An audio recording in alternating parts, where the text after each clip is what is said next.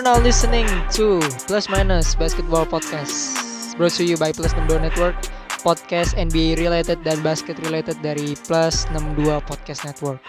Selamat datang di season ketiga dari Podcast Plus Minus. Buat kalian yang baru bergabung, selamat datang. Di Podcast Plus Minus Boleh didengarkan dua season sebelumnya uh, di mana kita membahas tentang NBA di musim 2019-2020 kita bagi dua karena uh, di season 1 itu pre pandemi dan di season kedua itu post pandemi. Jadi kalian bisa mendengarkan di dua season pertama. Kembali lagi bersama gue your legitimate host kalau di podcast plus 62 Raffi Rainur uh, as a as a pembicara juga di sini uh, bersama gue alongside me as always ada Rizky Ramadan aka Kipai what is up Yo, I'm good. Yes, sir. Nggak jelas, seperti biasa. Opening paling tidak terjelas. Tapi hari ini uh, we're not the same lineup. Duonya sama, tapi trionya beda ya hari ini. Uh, kalau sorry, oh, gue kira hujan. Uh, biasanya kita bersama uh, the King himself ya. Yo, yo. LeBron Jibril tapi hari ini mungkin kita tetap memberikan akan memberikan insentif libur untuk beliau Oh bukan dong, itu tali itu doang, itu karet. Uh, hari ini kita tidak bersama Jibril. Jibril akan muncul di season 3 episode 1. Ini adalah episode pilot. Di mana kita akan memberitahu apa yang akan kita lakukan ya, ya. di season ini. Uh, kita mau ngapain nih di season ini? Mau podcast lah, Re. Ya, I know, dude. Maksudnya, apa yang plus minus akan bicarakan di season ketiga ini? Iya, bismillahirrahmanirrahim. Jadi pertama-tama kita mungkin akan bahas dari regional apa regular. Oh iya. Dua kali. Dua kali. Masih lucu kan? Masih lucu. Jadi kita bakalan bahas regular season, der, uh, uh, regular season, playoff season, All Star, uh, semacam itu, three point contest dan kontes dan lain-lainnya di ajaran ta di tahun ajaran baru 2020-2021 yang akan dimulai nanti pada tanggal 22 Desember yang dibu yang dibuka dengan Clippers versus Lakers ya yang di mana Clippers bertujuan memberikan uh, sebagai babu memberikan cincin kepada sang juara. Tamu kehormatan. Ya. Shout out to LeBron Jibril uh, asking himself. LeBron James. Oh iya sorry. Uh, karena uh, memenangkan NBA Champion 2000 eh, 2020 berapa sih? 2019 2020. Oh iya itu Uh, jadi kita akan disuguhi dengan pertandingan derby LA. Derby LA ya, walaupun tidak bisa ketemu di final tapi bisa ketemu di opening night. Ya hanya di opening opening night ya. Uh, dan kita akan membahas nanti siapa yang yang final wilayah seperti biasa karena itu bagian menariknya. Uh, saya berdoa dan berharap Clippers yang menjadi juara gitu sih. Amin amin ya rabbal alamin. Amin amin. amin. Amin. Ya itu yang kira-kira akan kita siapkan. Kita juga akan menyiapkan beberapa episode menarik. Mungkin bonus track kita akan membicarakan tentang uh, off the court juga di luar kehidupan pemain-pemain NBA. Di luar NBA juga misalnya kita akan membahas pemain-pemain Eropa, termasuk pemain-pemain di Indonesia. Dan siapa tahu kita bisa uh, menyelenggarakan atau rekaman podcast bersama pemain-pemain timnas mungkin. Who knows pemain-pemain Indonesia dan segala macam. Terus kita akan ada di nanti di mid season itu kita akan membahas tentang olimpiade.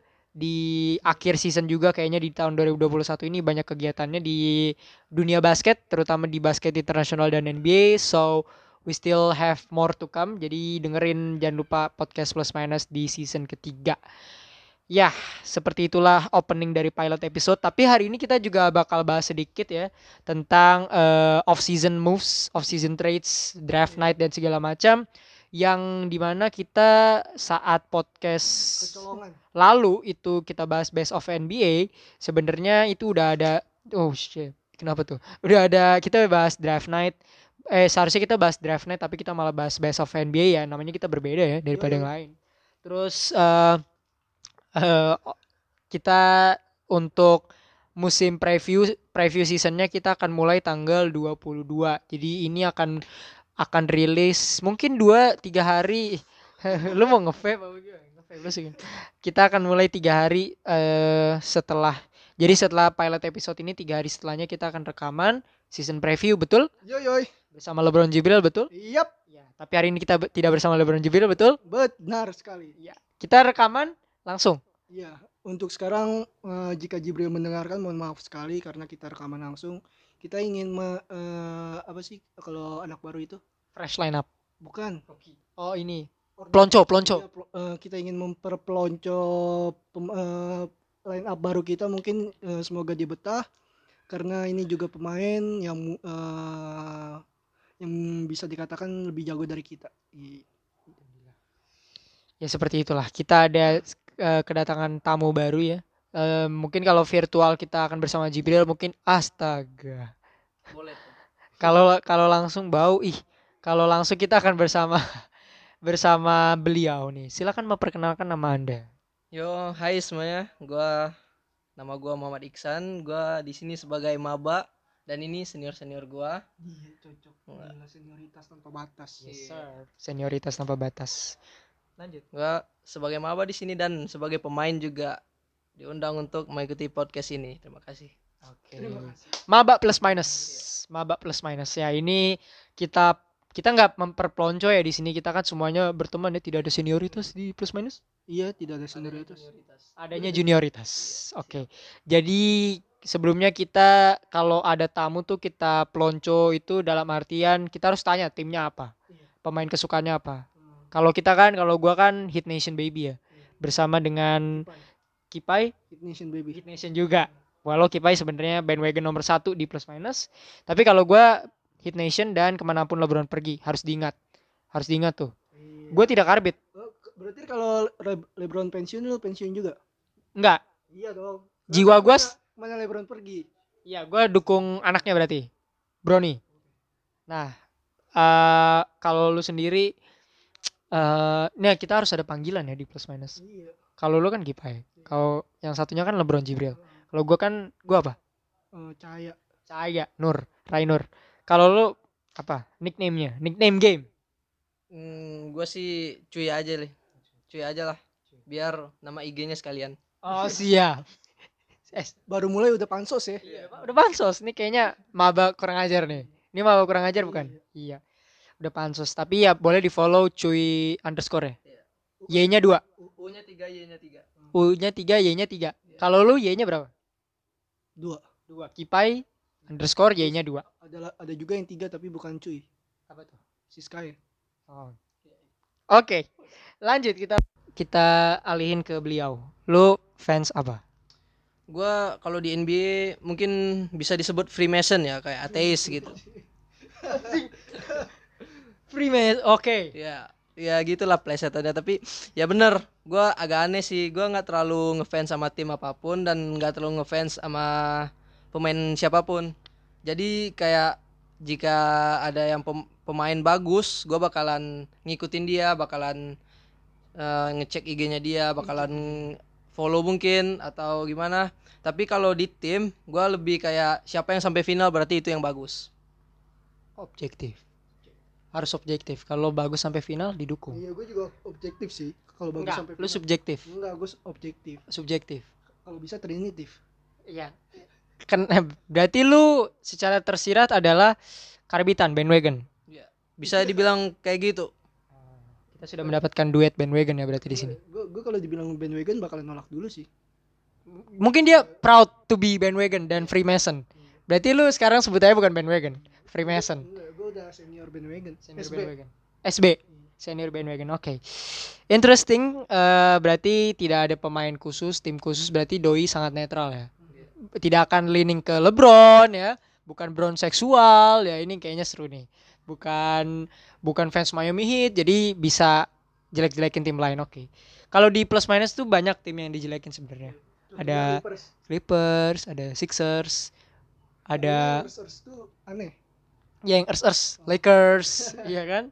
Pokoknya banyak yang yang belakangnya ERS tuh kurang gitu. Oke hari ini kita akan sedikit bahas tentang draft night satu dan kita akan memberikan take kita terhadap off season moves ke yang kedua ya berarti ada dua pembahasan hari ini yang pertama draft night ini akan gua kecilin skupnya ke top 3 aja ya Iya, iya. top 3 picks di NBA Draft 2020 karena jujur kita bertiga tidak tahu tidak terlalu tahu banyak soal drafty musim ini. Eh, masuk angin dia. eh masuk angin dia. Eh matiin dia masuk angin. Enggak, Oh enggak. bukan ituan. Oke. Toda. Oke, lanjut. Eh ada Anthony Edwards dari Minnesota Timberwolves. Anthony Edwards tuh college-nya di mana ya? Dia Georgia. Oh, Georgia State. Oke. Anthony Edwards Georgia State, James Wiseman. Eh, Hmm, gak, gak tahu sih. Oh, gue juga gak tahu James Wiseman. James Wiseman tuh biru, cuman gue lupa Washington State atau apa. Memphis. Memphis ya? eh, Memphis. Supersonic. Memphis. Supersonic. Supersonic udah gak ada, Bos. Udah gak ada, Bos. James Wiseman dari Memphis dan Lamelo Ball dari pengangguran Illawarra Hawks di Australia. Bekas pemain juga. Bekas pemain juga. Mungkin dari lu. Eh menurut lu atas top 3 picks apakah ada yang urutannya salah kah ataukah ini udah fix? Eh, menurut gua eh, untuk saat ini urut bukan urutan salah sih karena eh, draft pick tahun ini tuh dia menga- mereka mengambil sesuai kebutuhan timnya mereka masing-masing seperti Anthony Edwards yang berada di posisi Satu. Satu kan? Anthony Edwards satu. Itu SG 2. Nah, Oh, posisi posisi ini posisi oh permainannya ya udah maaf shooting guard, iya. shooting guard. Oke. Terus Anthony Edwards di mana? Di Minnesota Timberwolves. Iya.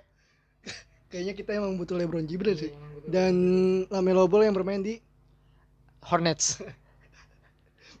posisi Oh, posisinya. Gue ini loh lagi eh Lamelo Ball itu point guard bisa main di shooting guard juga sometimes. Oke, lanjut. Jadi intinya apa? Ya intinya menurut lo apakah ini fix eh, numbers atau menurut lo harusnya Lamelo Ball di posisi satu atau udah fix banget ini udah clear gitu. Enggak sih, menurut gue eh draft pick tahun ini spesial. Gue nggak tahu ya. Gue gue nggak gue nggak ikutin draft pick tahun-tahun lalu. Jadi ya dari sepeng, sepemandang eh, sepenglihat sepe- sepenglihatan gue eh apa draft pick tahun ini tuh proporsional sesuai eh, kebutuhan ap- posisi apa yang mereka eh, yang dibutuhkan sama timnya seperti Timberwolves, Gasway dan eh Charles Hornet yang mereka butuhkan. Itu sih. Jadi menurut gua nggak ada win-win nggak ada siapa yang menang nggak ada siapa yang menang nggak ada yang nggak ada yang kalah sih untuk 1 sampai tiga ya kecuali nomor 4 oke Kenapa Patrick Williams dipilih oleh Bulls sebagai nomor 4? ya mungkin kita bisa tanya itu ke yang lain mungkin nanti suatu saat dia akan dibikin film The Last Dance 2 kali Apa kontribusinya bangsat? Oke, Patrick Williams shout out untuk Patrick Williams. Gua rasa dia harus lebih tinggi lagi ya. iya Mungkin di atas satu mungkin. Eh kalau lu eh, apakah ada urutan-urutan yang salah atau menurut lu ini 1 2 3 kayak udah pas banget di timnya, di pemainnya juga udah udah mantep.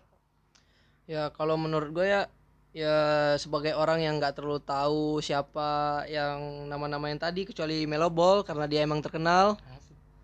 Berapa Gua followersnya? Ya 5,9 m kalau nggak salah. Gila. Kalah Reza Arab. Arab kalah. garah.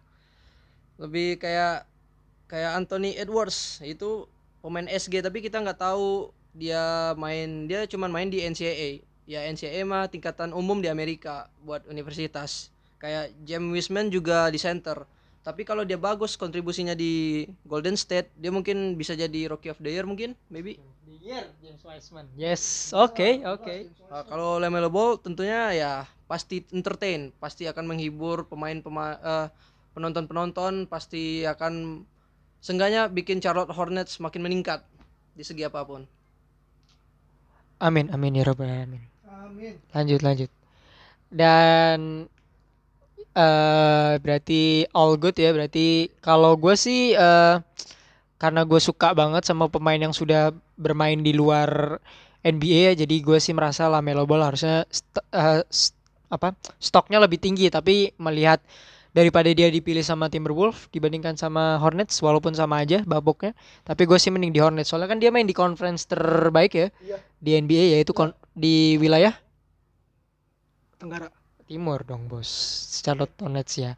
Kira-kira eh ya gue sih berharapnya kalau lo James Wiseman bisa ROTY kalau gue tetap Lamelo Ball sih soalnya dia bakal averaging sekitar 17 sampai 19 points per game menurut gue bakal kayak model-modelan Trey Young nggak punya backup gitu tapi bakal shoot three banyak jadi ya Lamelo Ball for Rookie of the Year. Eh ada drafty drafty yang menurut lu promising nggak selain mereka bertiga? Eh, draft yang promising selain mereka bertiga mungkin Ben Simmons ya. Iya. Sorry, eh draft pick eh, nomor berapa ya? 8 ya Obi Topin ya. Dan 9. Siapa namanya? Denny.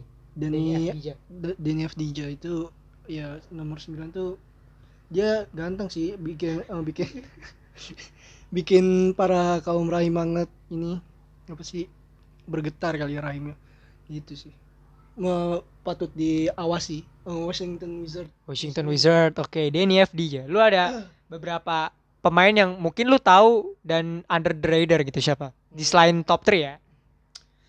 Ya bi bisa pasti ada sih menurut gua ya kayak hmm, Cole Anthony. Cole Anthony. Hmm, Cole Anthony itu main di mana ya? Cole Anthony main di ini dia. Wizard. Eh, Cole Anth- Magic man. Oh Magic. Oh, Cole Cole Ma- Magic Magic. Ya gue juga lupa dia main di Iya. Magic. Soalnya kan nggak terlalu ini dia pun oh, pick nomor 15 kan nggak terlalu Jauh ini. banget ya. Iya. Dan juga RJ Hampton bisa juga mainnya bagus di Australia. Di- jadi saingan Lamelo Ball di situ lebih bagus dari Lamelo Ball statnya. Daripada Lamelo Ball. Oke, hot takes tuh. RJ Hampton lebih baik daripada Lamelo Ball. Catat Lavar Ball. Eh, Leangelo Ball bisa jadi rookie of the year nggak? Eh, kayaknya eh, di Cina sih bisa ya Di Cina. iya di Cina Di Cina. Rampok of the year. Oh. bukan. Iya itu sih rampok of the year. Iya bisa. ROT iya. Danny Avdija. Kalau gua sih ada beberapa pemain, gue juga setuju Danny Avdija karena sejak Luka Doncic kayaknya prom eh, apa stok pemain Eropa tuh lagi naik-naiknya. Kayaknya pemain Israeli ini bisa bagus ya. Cuman mungkin karena doi Yahudi mungkin gua kurang berkenan. Mungkin ya cuman karena Danny Avdija bagus mainnya. Dia sempat trial juga di Golden State Warriors siapa tahu ya kan? Nanti di trade dan lain-lain. Danny Avdija Obi Topin gede. Dia paling senior kalau nggak salah umurnya 22 27 20 22 22 27 udah tua bos. 22 oke sih sejauh ini. RJ Hampton juga pilihan yang menarik. Cole Anthony juga tahun kemarin seharusnya dia lebih tinggi sih menurut gua picknya. Iya. soalnya kan dia hype-nya lumayan gede sih dulu. Cuman ya mungkin karena doi pendek kali ya. Tingginya tuh nggak nggak nggak seberapa. Simmons sih soalnya nggak ada bedanya sama R- rookie rookie. Selalu dapat rookie of the year sih Brand Simmons. Oke Eh, that's all from draft night ya. Eh draft 2020 kira-kira menurut si Cuy si eh, James Wiseman ROTY menurut gua Lamelo Ball menurut lu ROTY nya sama gue terakhiran nih Iya. biar momen terbaiknya. Kan ini award lu Ruti. Iya, Ruti. Eh, ini kali Ben Simmons nggak bercanda. Eh, James Wiseman juga gue setuju sama siapa namanya? Cuy karena di eh, James Wiseman akan bermain banyak di Golden State. Gue berharap Golden State akan akan bermain eh, dapat waktu bermain panjang setidaknya second round atau eh, final ini. Iya, dan mendapatkan jam terbang. Karena kita tahu siapa namanya? Stephen Curry dan Stephen Curry, Klay Thompson, Draymond Green tuh mereka semua di dididik dari nol di Golden State dan tidak menutup kemungkinan eh, James Wiseman bakalan itu. Mungkin Ben Simmons juga kudu di trade ke Guess Who sih. oke oke James Wiseman Rookie of the Year berarti nanti kita lihat ya di akhir musim Iya. belum kita nanti tanyain si Iya, tapi pundit. biasanya gue salah sih, biasanya gue salah. iya berarti dia juga salah biasanya harusnya kalau lu salah dia salah Ya kan Cuman- kita duo, duo bandwagon. Iya, cuma nanti kita tanya ke pundit kita saatnya lagi ya. Jangan-jangan dia milih Obi Topin kan kita nggak tahu. Soalnya dia kan suka unpredictable. Oke, sekarang ada apa nih? Ada perubahan-perubahan permain, eh trade-trade yang terjadi di musim ini, free agency move dan lain-lain. Kita bahas dulu dari sedikit aja sih sebenarnya dari apa yang dari move-move gede dulu kali ya. Move paling gede Paling gede siapa nggak ada yang gede? ada. Siapa? Eh, kita ngomongin dari West atau East dulu nih. Dari Tenggara. dari Tenggara. Di Tenggara Ben tuh Simmons. be- bukan Ben Simmons yang Oke lanjut eh di bentar biar gue cari Hilang kan lu hilang kan? trade Of the year. Of the year dong. enggak dong kita cari oh ini dari pemain kesukaan lu dulu deh Chris Paul Chris Paul. iya pindah ke Phoenix Suns bareng Bakal- sama Dibuk sama siapa Aiton Dan Jordan. Ya. great trade ini menurut lu gimana Ya, eh, dia di trade sama eh, beberapa pick ya, sama eh, apa sih? Beberapa pick dari Thunder apa sih? Oke, oke Thun- Thunder. Menurut gua ini eh, good move bagi Phoenix Suns sih karena DeAndre Ayton dan Devin Booker tuh sebelumnya di NBA Bubble tuh mereka sempat memanas eh, performanya dan eh, ditambah dimasukin dengan Chris Paul yang notabene menurut saya eh, point guard terbaik jadi mungkin mereka bisa berkembang sih gitu. Dan tapi gue agak aneh sih ngeliat siapa Chris Paul kostum oranye. Kalau biru atau merah gue masih, masih oke lah ya. Tapi kalau oranye tuh kayak Persija gak sih? Iya. Jangan Phoenix Suns itu P-nya bukan Phoenix Perci- Persija Suns. iya Persija Oke, Persatuan eh, Sepak Bola Indonesia Jakarta. Ya itulah oh, kira-kira. itu pak kepanjangan Lu nggak tahu? nggak tahu Gue juga nggak tahu sih sebenarnya gue nggak salah aja. Ini kita eh, bacain satu-satu ya dari tanggal 23 Oktober. Ini lumayan panjang sih sebenarnya. Oh, bukan, bukan. Eh, dari tanggal 28 Oktober. Ini ada eh, mantan General Manager Houston Rockets Daryl Morey pindah jadi President of Basketball Operationnya Philadelphia 76ers. Jadi nanti Rockets sudah tidak ditangani sama Daryl Morey sebagai GM. Dan di tanggal 10 November Phoenix Suns menukar Chris Paul. Ya dengan eh, banyak picks. Nih Thunder dapat banyak picks. Ya nanti kita ngomongin Thunder. Dan James Harden dan Russell Westbrook mau pindah. Sebelumnya kita ngomongin Thunder sih sedikit. Thunder nih picknya banyak banget. Sampai 2028 first round semua lagi. Mohon maaf. Kayaknya semua pemain Thunder nih 2027 nih berarti anaknya sekarang masih umur berapa ya? 2007 hmm, 7 tahun lebih muda dari kita sekarang 18 11 tahun berarti kelas 5 SD iya gak sih Iya kelas 5 SD ya. Berarti mantan calon MVP-nya Thunder tuh nanti kelas 5 SD sekarang. Jadi untuk eh, anak-anak Amerika dan di seluruh dunia yang masih kelas 5 SD, Anda akan bermain di Thunder ya, bukan di Lakers, bukan di Bulls. Eh menurut lo, Chris Paul tadi balik lagi ke Phoenix Suns, ini adalah langkah yang baik nggak untuk Phoenix Suns ke depannya bersama Booker dan DeAndre Ayton? Sedikit aja. Ya, kalau menurut gua agak mikir negatif sih sama Chris Paul yang disatuin Kenapa itu, sama? Kenapa, Bung? Devin saya, Booker. Saya tidak terima, Bung. Saya sebagai oposisi tidak terima. Padepokan Chris Paul. Iya, padepokan Chris Paul. P PCP. Yoi. PCP. Ada apa nih? ya tentunya Oh, tidak bisa, Bung. ya pastinya karena itu Devin Booker selama ini udah carry tim udah berapa season tiga season atau dua season gitu Se- Season. Iya.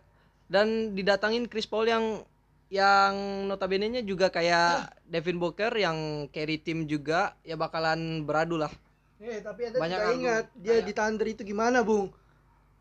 Gimana? Gimana? Gimana di Thunder gimana? Dia di Thunder tidak memiliki ini, dia tidak memiliki saingan. Iya sih. Iya sih bener sih. Oke, saya setuju.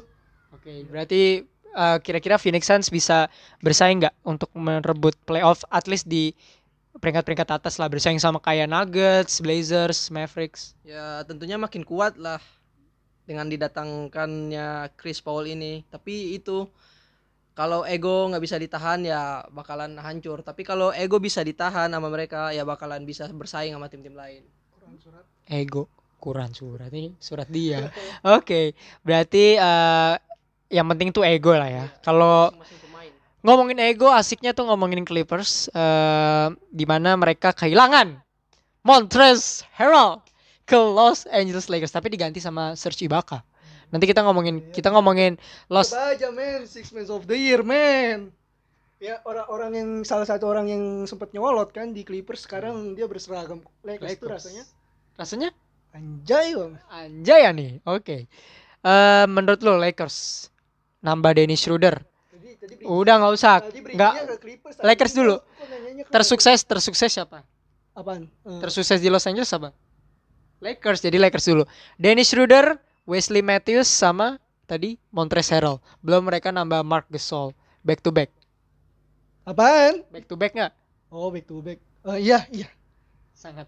Sangat. Eh makanya itu eh, kenapa Thunder ngambil pick banyak itu sih. Buat nuker Karena sama. karena nunggu King James pensiun dulu baru mereka main. Oh, strategi sih. Itu teori kontrasepsi dari gua sih. Cat main catur ya Sam Presti nih. Eh, apa yang aku lakukan untuk bisa juara? Oh, nungguin LeBron pensiun. Oh, iya. benar juga Karena bisa. tidak ada peluang ketika LeBron James bermain. Oh, Apalagi eh, berita terbaru ini Anthony Davis dan siapa namanya LeBron James perpanjang kontrak eh, max kontrak kan. Max ya. Davis sampai 5 tahun 190 juta, LeBron James 2 tahun 85 juta. Dan itu cocok dengan pick Thunder yang sampai 2027 sih. Sam Presti ini main Queen's kayak di Queen's Gambit gitu ya. Dia main catur ya. Oke, oke menarik. Tapi back to back ya, berarti Lakers Insya Allah kalau Tuhan mengizinkan ya. mengizinkan kan tuannya main di situ. Terus kalau dari lo, Lakers di penampilan baru udah nggak ada Dwight Howard, udah nggak ada Rajon Rondo, pemain-pemain tua tuh udah nggak ada. Sekarang jiwa-jiwa prime, Montrezl Harrell ya kan. Ada Montrezl Harrell, Dennis Schroeder, Wesley Matthews, ada Mark Gasol. Mark Gasol ini bagus loh meskipun udah 32. Menurut tuh edition tambahan kayak gini tuh bakal memperkuat Lakers atau nanti ada ada yang kayak lu bilang ada masalah-masalah ego. Ya itu kembali pasti sih masalah-masalah ego yang kayak gitu ya pastilah apalagi LeBron James dan Rondo bagus sih Rondo dikeluarin nggak ada ego-egoan lagi. Tapi dengan didatangkan pemain baru yang kayak gitu ya itu tergantung pemain baru ini bisa eh, bersaing dengan LeBron atau bisa menyaingi dia. Uh, bisa bermain baik dengan LeBron atau yang lain dan pengganti Dwight pun juga bagus ya Mark Gasol ya mungkin dia bisa itulah bisa jadi lima pemain inti Lakers yang baik lagi dan mungkin itu bisa back to back tapi belum tentu juga dengan rookie-rookie yang sekarang mungkin kita nggak ada yang tahu kemarin aja bi- biasa bisa jadi Miami yang menang hampir sih. hampir 6 game lagi ya. Berarti Marc Gasol kemungkinan bisa start di center ya untuk Lakers. Menarik, menarik, menarik. Berarti bisa lah ya back to back. bisa bisa Bisa. Ya udah bahas Clippers. Oke, Clippers sekarang. Serge Ibaka sama siapa lagi? Siapa ya? Gue lupa. Kayaknya Clip- ini yang pemain paling mahal di Oh, Nik- Niko- Nicola Batum, Nicola Eh, Batum. eh, terus satu lagi siapa ya? Gue lupa ada satu lagi. Eh, oh di trade siapa? Jamichael Green keluar. Oh, Jamichael Green keluar. Itu pemain gak terkenal sih. Ya udah kita ngomongin Serge Ibaka sih sedikit. Ya udah gue yang bahas sedikit ya. Serge Ibaka. Eh, kalau tadi menurut gue sih balik lagi ini sembari eh, Kipai lagi mencari eh, Clippers ya. Menurut gue Chris Paul tuh bisa sih membawa siapa namanya Phoenix Suns untuk setidaknya ke seat nomor 4, seat nomor 5, peringkat 5, peringkat 6 Ahem. di barat itu bisa terjadi. Eh, tapi ya kita kita nanti akan membahas tentang lebih lanjut di season preview. Eh, menurut gua ya kita masih nggak tahu ya kemarin Suns punya Ricky Rubio sekarang kan Chris Paul. Upgrade-nya kan lebih jauh lebih bagus lah men. Tugasnya, Bung.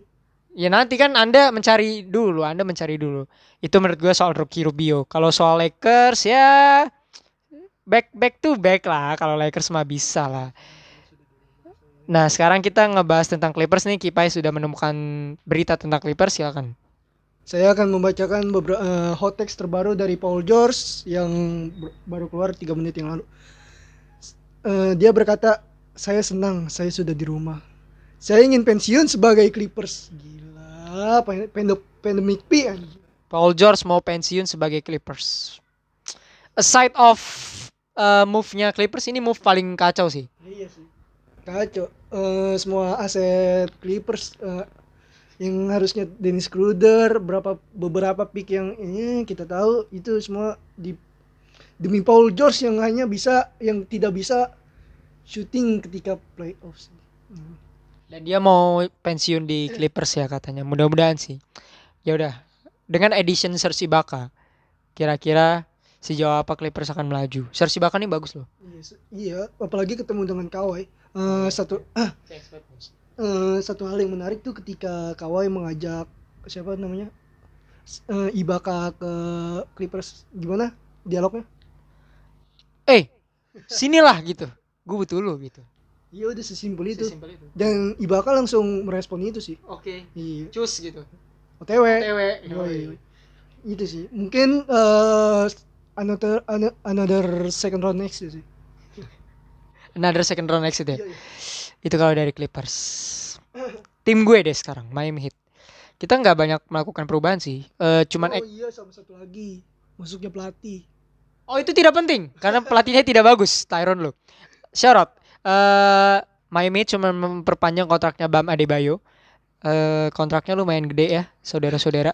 Ya, padahal wacananya kan eh, siapa namanya Miami Heat ini bakalan jadi inian free ag- agent kan? Free Iya agent. bakal nyari free agentnya Giannis tapi di sini Bam Adebayo dikontrak 5 tahun dengan kontrak senilai 163 juta dolar. Jason Tatum juga, Donovan Mitchell juga. Itu itu itu itu berapa duit? Eh kalau dirupiahin ya, kalau dirupiahin tuh Bam Adebayo akan mendapat 2,31 triliun rupiah selama lima tahun. Bisa lah beli dua rumah, tiga rumah. Play. Dia bete nggak ditanyain mulu, tanyain Iya lah. Ya udah. Ini pemain-pemain kayak gini ya yang yang dapat eh, extension nih. Brandon Ingram juga dapat extension 5 tahun. 5 tahun 158 juta. Itu artinya 2,24 triliun. Terus ada lagi nih gue cari dulu ini yang rada rada aneh nih kontraknya. Di Aaron Fox kalau nggak salah. Itu dia dibayar lumayan gede nih. Bentar, gue cari dulu. Eh tidak ada, tapi di Aaron Fox dibayar gede. Pemain-pemain muda yang dibayar gede 100 juta ke atas menurut lu itu worth it nggak? Maksudnya eh, untuk untuk dikeluarin tuh pantas nggak? Ya kalau menurut gue sih pihak klub pasti udah mikirin dengan matang ya. Dia eh, pasti bayar sesuai dengan kapasitas pemainnya yang yang pasti. Karena itu harga untuk sebuah sebuah eh, harga untuk sebuah karakter itu nggak bisa dibeli. Mungkin klub atau pelatih atau manajemen dari klub tersebut emang tertarik dengan pribadi atau permainan mungkin ya Hmm, Seperti itu. banyak eh, faktor lah. Seperti Gordon Hayward ya. Iya, Gordon Hayward nih dibayar eh di- Hayward sih udah nggak muda lagi ya. Dia tuh udah 20 lagi di prime sih harusnya 34 juta musim depan. Sedikit eh ini dia menolak opsi keluar sih. Eh habis itu dia bergabung dengan Charlotte Hornets, gajinya tuh 127 juta. Kontraknya 4 tahun dan dia baru keluar dari cedera yang cukup parah waktu itu kakinya ya lu tahu dari 4 juta. Eh 4 ta- 4 beberapa tahun yang lalu. Ya gue setuju sih, yang penting mungkin tim udah consider ya pemain-pemain ini kayak Darren Fox atau Bam Adebayo. Tim bakalan cocok sama tim ya nggak apa-apa. Oke, yang penting cocok sama tim. Dan banyak juga yang mempertahankan kontrak Carmelo Anthony ya. Eh, ada juga banyak yang banyak addition addition ya. Kayak Atlanta Hawks tuh lumayan bagus sih. Region Rondo, Bojan eh Bogdan Bogdanovic, terus dia ngambil Danilo Gallinari yang lu bilang Paul Gallinari. Terus eh, pa- sama mereka juga punya Clint Capella dan lain-lain. Atlanta Hawks nih sedikit. Dia bisa konten gak untuk playoffs musim depan? Eh, menurut gua eh, dia bisa tapi akan sulit sih. Seperti eh, apa Damian eh, Tra- Trail Trail ah, Trailblazer ya itu eh, musim lalu sih bakalan bi- eh, bisa tapi sulit di posisi ke-8 gitu sih. Meremehkan sekali ya Anda. Iyalah. Saya sih masang tinggi untuk Hawks musim ini. 6 lah, 7. Bisa itu. 7 8 6 7 8 bisa. Terus Rockets. Rockets nih ngambil banyak Christian Wood, DeMarcus Cousins, sama yang paling baru ini trade paling baru John Wall sama Russell Westbrook. Russell Westbrook pindah ke Wizard, John Wall pindah ke Rockets. Menurut lo, ini trade yang win-win untuk kedua tim kah? Kan John Wall baru cedera nih Achilles. Iya. Re- Russell Westbrook udah tidak seperti Russell Westbrook. Menurut lo ini win-win? Russell Westbrook tidak seperti Russell Westbrook itu gimana? Ya, udah udah. masih sama-sama balhok. Iya sih, cuman kan malah menurut menurut lo win-win solution gak? Kalau kalau Russell Westbrook yang di trade ke situ ya gue kurang tahu ya ya namanya Russell Westbrook di mana pun dia berada dia akan menjadi Pemegang bola. hmm, dia akan mendominasi tim itu tapi kalau John Wall yang dipindah ke Rockets sih menurut gue akan bisa cocok sih soalnya dedikasi dia sama bola basket itu agak tinggi Oke. beda sama Russell Westbrook itu bukan bukan pemain yang seperti itulah Oke. Berarti menurut lo eh, Rockets yang menang di trade ini gitu? Iya, kayaknya Rockets yang menang. Soalnya John Wall itu benar-benar pemain yang dedicate banget lah. Berarti kasihan ya Russell Westbrook udah main sepenuh hati dibilang tidak dedicate ya. Kasihan Russell Westbrook. Lo menurut lo win-win solution gak? win-win solution dalam hal keburukan sih. Yang satu kaki kaca, yang satu balhok, iya. Jadi itu eh, mereka kayak bertaruh siapa iya iya pada sejatinya emang dari trade itu mereka bertaruh sih siapa yang bakalan lebih menguntungkan John Wall atau Russell Westbrook tapi dari realistis eh, mungkin eh, John Wall yang kaki kaca eh, Russell Westbrook balhok tapi masih bisa main mungkin gue masih ba- megang Russell Westbrook walaupun gue kecewa dia tidak jadi ke Clippers sih gitu sih Sayang ya. Berarti masih ada satu. Sebenarnya masih secara rumor masih ada satu pemain lagi yang belum. Rumornya sih mau pindah, tapi katanya nggak mau pindah. James Harden. Menurut lu dia bakal pindah nggak ke Brooklyn Nets? Kayaknya sih enggak soalnya ya nggak bakalan cocok sama Kyrie Irving. Terlalu banyak gaya ya. Dua-duanya penganut konspirasi juga sih. Jadi berarti menurut lu nggak bakal cocok sama Kyrie? Hmm, nggak bakalan cocok dari segi main ya. Itu tuh dua buah cara main yang berbeda. James Harden sama Kyrie Irving tuh dua buah permainan yang berbeda. Jadi nggak bakalan cocok kayaknya. Kecuali pelatihnya itu memang bikin strategi bermain yang berbeda. bolanya dibagi dua ya Iya. Boleh dibagi dua dong. Eh, Dibagi enggak, Bagi tiga dong ingat. Masih ada K- KD. tapi enggak, tapi menurut gua tuh mereka mereka tuh bukan cara bermainnya yang beda. Tapi cara bermainnya sama. Sama-sama harus megang bola sih. Iya. Jadi ya bakalan berebutan bola. Itu sih. Kayak sebenarnya kayak si Westbrook sama Harden sih. iya. Cuman ya ternyata mereka tidak workout ya. Westbrook sama Harden.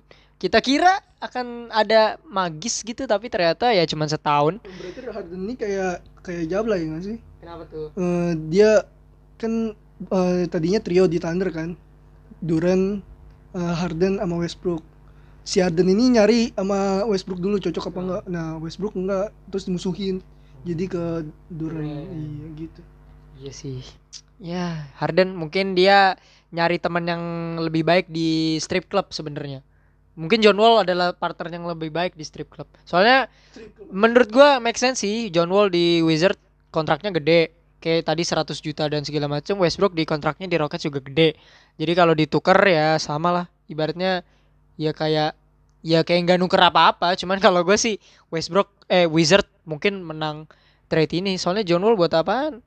Orang kakinya cedera mungkin determinasi bermain basketnya masih ada tapi kalau misalnya dia cedera lagi Iya, percuma dia nggak bisa nggak main ya udah Ya mungkin jiwanya doang kali ya. Jadi apa sih itu yang kayak oh, enggak sorry. Mungkin jiwanya aja sih yang bermain. Eh, maksudnya jiwa basketnya ada cuman sayang sih kalau dia cedera lagi kan. Sementara Westbrook Westbrook cederanya lumayan banyak juga cuman kan seenggaknya dia masih ada energinya lah. Masih mau nombok-nombok oke. Em, mungkin segitu aja sih. Tapi menurut lo siapa ya tim dengan komposisi paling kuat setelah perubahan-perubahan ini? Lakers simple question. Eh simple answer ya Lakers. Menurut lo tim setelah tadi kita ngomong yang berubah paling banyak siapa? Ya berubah yang paling banyak sih. paling iya, iya, paling pa- kan beda-beda. Paling bagus deh paling bagus. Yang paling bagus ya pastinya Lakers. Komposisinya hmm, pas gitu. mantap. Ya mantap. Aduh menakutkan sekali ya. Cincin nomor 5 nih OTW untuk LeBron ya. Iya kan? Ya menurut lu siapa? Clippers. Oke ya jawaban yang sangat terbaik dari Rainer sebagai teman gua selama dua tahun ini ya. Dennis Schroeder Wesley Matthews LeBron James Anthony Davis Marc Gasol. Six man-nya Montrezl Harrell. Gila. Ta- Tapi kalau menurut gua jika James Wiseman bagus, ini bakalan punya Golden State Warrior bisa. wow. Oke. Eh, tapi kita nggak mention satu tim sih dari tadi yang digadang-gadang iya yang punya MVP tahun lalu Giannis kita Ah. lupa sama dia. Dia cuma ngambil Drew Holiday tapi menurut lu Drew Holiday bagus? Enggak se eh, seenggaknya mungkin mere- mereka bisa jadi contender kali kali ya. Iya ya udah sih mungkin ya saingan mereka itu itu aja ya udah final wilayah barat kali. Timur dong. Oh iya. Iya. Sorry. Kalau kagak kalah sama 41 41 kan? Sama Miami Heat. Lagi sih soalnya Miami Heat kan ya mudah-mudahan Drew Holiday. Menurut gue sih final wilayah ya timur. Oke, so eh, mungkin segitu aja ya saudara-saudara tentang pilot episode hari ini. Eh, thank you dari Cuy yang sudah bergabung bersama kita. tapi nanti kita dia akan kita cokokin lagi ya peloncoin lagi di episode-episode lain ya Ya, kalau waktu mengizinkan ya. kalau waktu mengizinkan oke so kita akan ketemu lagi di episode pertama dari season ketiga ini adalah episode pembuka dan kita akan muncul lagi di episode pertama akan membahas tentang season preview ya. Kita akan mereview semuanya setelah media day pre-season dan segala macam. Jadi kita akan review siapa juaranya siapa MVP siapa dan lain-lain lah ya. Pokoknya siapa yang masuk ke final dan lain-lain. So see you in the first episode di tanggal 22 Desember 2020